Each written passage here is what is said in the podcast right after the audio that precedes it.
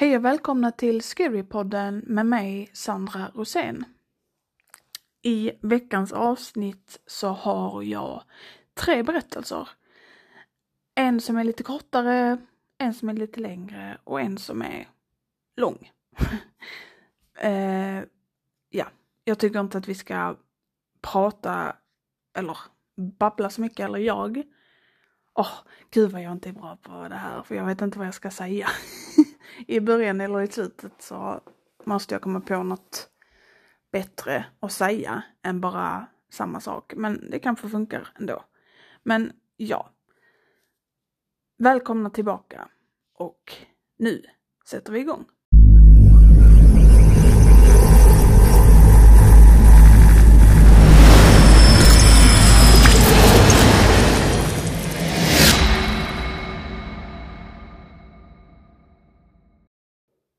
Det var en helt vanlig dag.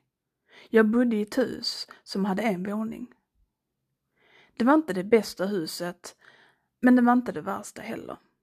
Det var billigt. Det är vad jag kan säga. Min vän var på besök en dag. Vi satt bara och pratade i timmar. Men vid 23-tiden insåg han att han var tvungen att gå. Efter att han gick började jag göra min vanliga rutin borsta tänderna och ta en kall dusch. Men när jag stod där i duschen hörde jag en knackning på dörren. Jag brydde mig inte så mycket först, men efter en minut eller så, så knackade det igen. Jag stängde nu av duschen och stirrade på dörren i väntan på att det skulle knacka igen. Och det hände igen. Vem är det? sa jag. Jag ska erkänna att jag nu var lite rädd. Jag låser alltid mitt badrum när jag duschar. Vet inte varför. Det är bara en gammal vana. Sen hörde jag ett skyfflande ljud. Det lät som fotsteg. Nu blev jag ännu mer rädd och skrek. Vem det än är så har jag en pistol. Jag har ingen pistol. Jag försökte bara skrämma vem det än var. Men det jag hade var min telefon. Så jag ringde polisen och de sa att de var på väg. Sedan hörde jag skrik och saker som slängdes runt i mitt hus. Men sen slutade och då hörde jag en rejäl smäll på badrumsdörren. Nu var jag så rädd så att jag trodde att jag skulle dö och jag tänkte vad den här människan än ville så var det helt klart att se mig död. Men sen hörde jag en knackning på min ytterdörr och sen att dörren i nästa sekund slogs in och poliser som skrek. Men också en man. Det visade sig att mannen var en fånge som hade rymt från fängelset.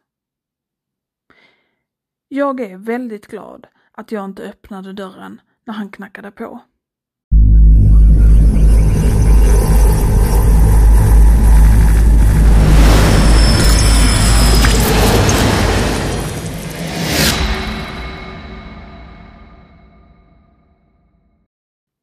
Jag går rakt på sak.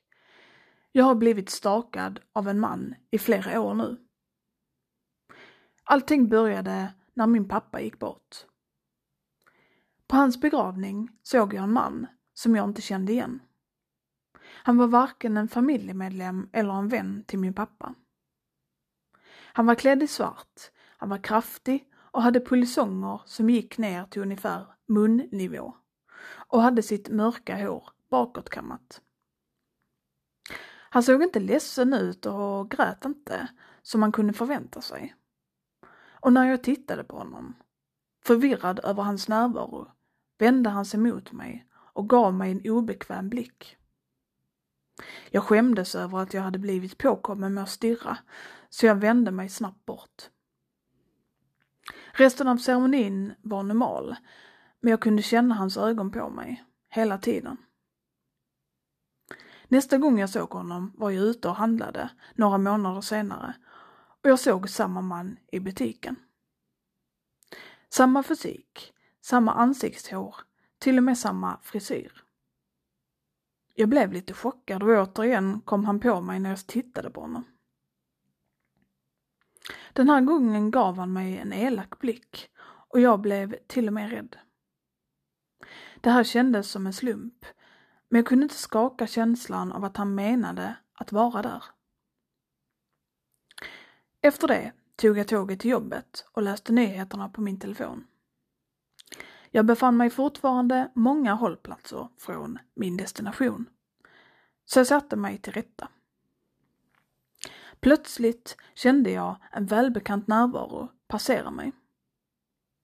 Jag tittade upp tillräckligt snabbt för att se en stor man med mörkt hår gå förbi och sätta sig bakom mig. Det var den där mannen igen. Och han valde att sätta sig precis bakom mig. Så jag inte kunde vända mig om för att titta på honom.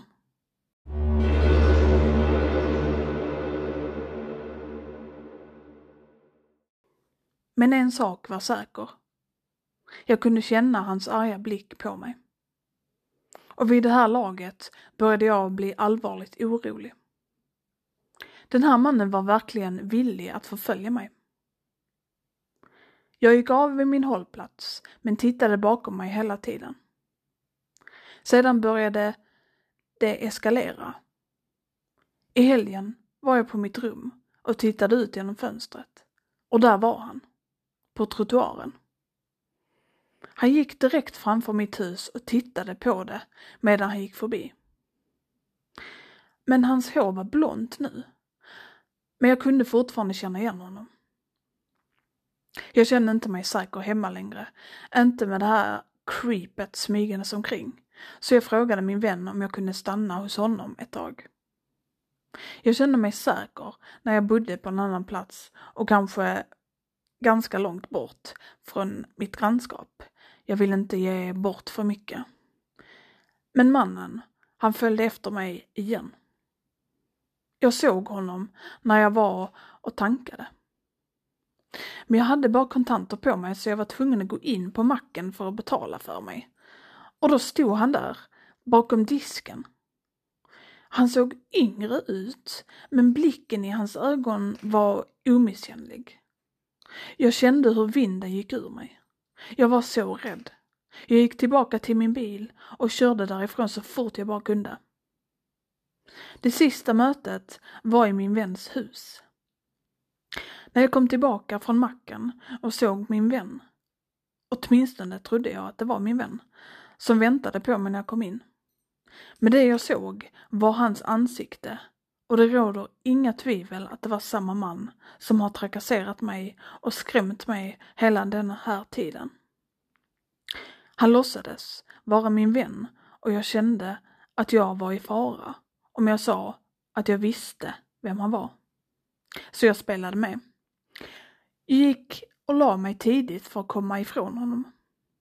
Jag tillbringade gårdagen med min dörr barrikerad, men jag vet att jag måste göra något för att få ett slut på det här.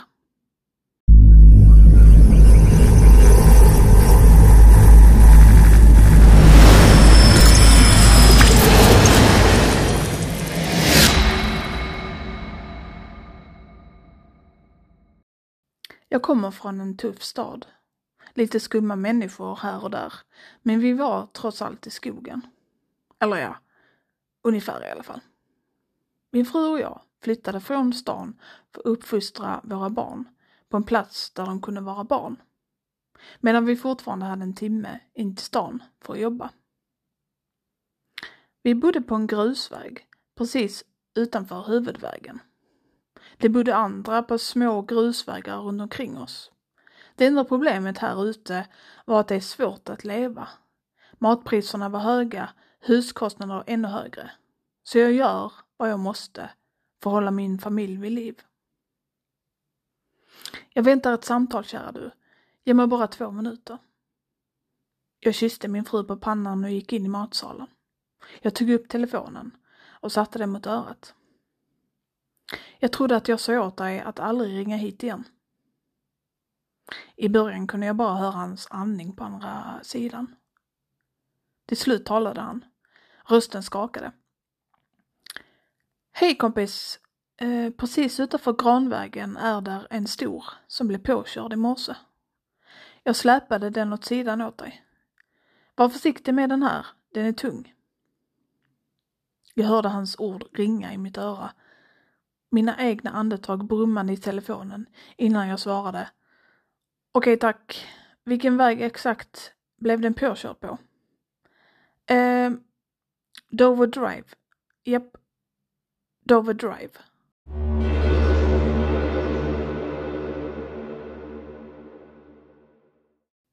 Jag greppade hårt i telefonen. Den lokala baren som man alltid blev full på låg precis utanför den vägen. Säg mig något, sa jag kyligt. Har du druckit överhuvudtaget idag? Nej, såklart inte. Jag tog mig en biltur bara. Ja, en biltur. Jag rynkade pannan. Han var berusad klockan 11.30. Hur som helst, jag ska kolla det senare. Ring inte hit igen. Sa jag och sen la jag på. Jag gick ut ur matsalen och tillbaka in i köket där jag mötte min frus oroliga blick. Vem var det? frågade hon mig. Ingen. Det var barnen som ringde fel. Hon log mot mig innan hon gick in och tittade till barnet i lekrummet precis intill. Jag visste vad jag skulle göra. Jag var inte glad över det. Men dagen fortgick som vanligt, men kvällen kom och jag kom på mig själv att stoppa om min yngsta i sängen, som jag gjorde varje kväll. Gör det för dem, om inte för dig själv, tänkte jag när jag såg henne ligga där i sin lilla säng för att sova. Jag gick in i mitt sovrum och såg att min fru redan låg i sängen.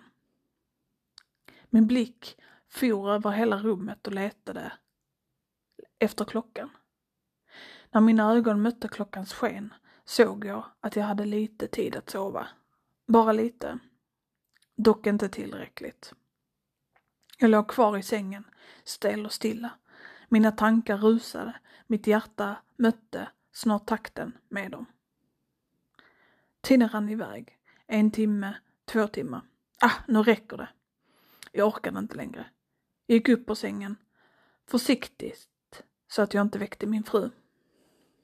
Jag gick tyst ut i hallen, förbi badrummet, förbi barnrummet och in i den lilla hallen. Jag tog mitt jaktgevär och min kniv. Jag öppnade ytterdörren till mitt hus, mitt trygga, stora, varma hus. Jag tog ett djupt andetag och stängde den bakom mig innan jag gick ut till min lastbil. Jag la geväret på sätet bredvid mig och vred om nyckeln.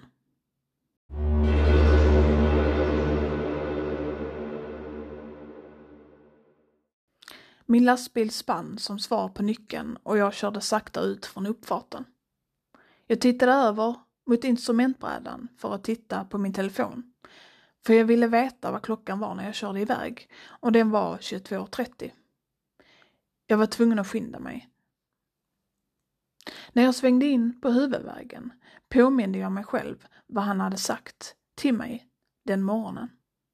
Om han talade sanning skulle detta kunna mata oss i veckor, om inte månader. Jag körde ungefär 15 minuter innan jag såg skylten för Dover Drive framför mig. Jag svängde sakta in på vägen. Och det tog inte lång tid för mig att märka vad han pratade om. Även i 30 kilometer i timmen. Jag drog ut nyckeln och saktade ner tills bilen stannade. Jag hoppade ur lastbilen och gick ner i diket precis bredvid mig. Allt jag kunde tänka i det ögonblicket var hur enormt detta roadkill var. Jag log svagt när jag såg storleken på den. Jag släpade sakta och med stor försiktighet roadkillen till min lastbil. Jag tittade tillbaka på flaket på min lastbil och sen på diket som det låg i. Jag suckade när jag tänkte på vad jag lovade för flera år sedan. Jag kommer inte att göra det igen, jag lovar. Lita på mig. Den här tanken, detta löfte, tärde på mig när jag satte mig i lastbilen igen och vred om nyckeln. Jag tog några djupa andetag. Allt skulle ordna sig, eller hur? Det var i alla fall den tanken jag hade i mitt huvud. Tills att jag såg någon vinka in mig till sidan av vägen.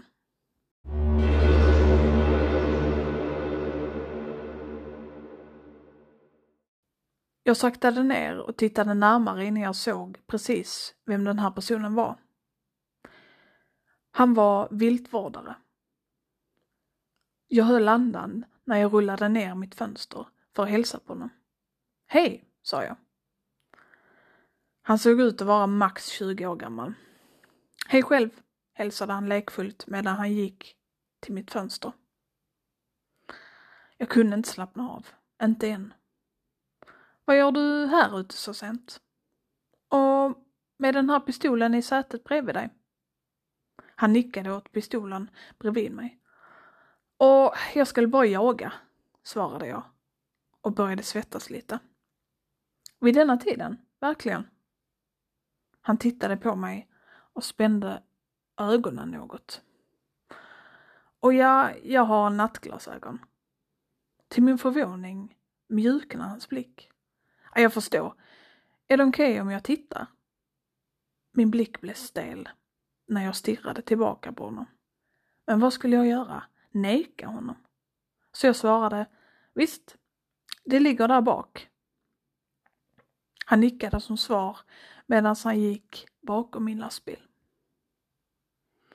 Den enda gången mina ögon lämnade honom var för att se till att jag fortfarande hade den, den lilla handpistolen, i min mugghållare. Jag tog tag i den när han lyfte på mattan som täckte roadkillen. Han verkade titta på det innan han återvände till mig. Mitt grepp om pistolen lossnade inte. Han log mot mig innan han sa Allt ser bra ut. Ha en god natt. Jag kunde inte ens svara honom. Jag rullade upp fönstret och körde iväg snabbt. Tillbaka till huvudvägen. Tillbaka hem.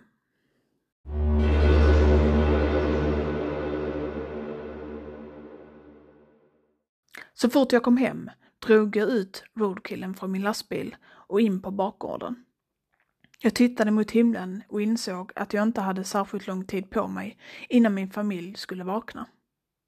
Jag var tvungen att förbereda köttet nu. Jag startade en liten eld i min eldstad och jag började med att ta av roadkillens skjorta, byxor, strumpor och sedan plånboken. I plånboken plockade jag ut id kreditkortet och behöll de 22 dollar som fortfarande fanns kvar i den. När elden sprakade och alla bevis från roadkillens liv brann upp tittade jag ut i skogen. Skogen som är full av hemlösa. Han måste ha kört på den här när han skulle gå över vägen. Han var ju full trots allt. Jag flinade ner mot roadkillen när jag tog upp kniven ur fickan. Åh, vad jag har saknat det här.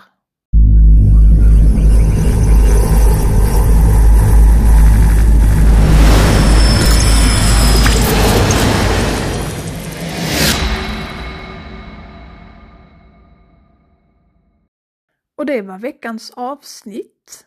Vad ni tyckte om det får ni jättegärna berätta på Instagram där jag heter Scarypodden. Och ni får gärna gå med i min eftersnackgrupp på Facebook som heter Scarypodden eftersnack. Så kan vi prata mer där om avsnitten.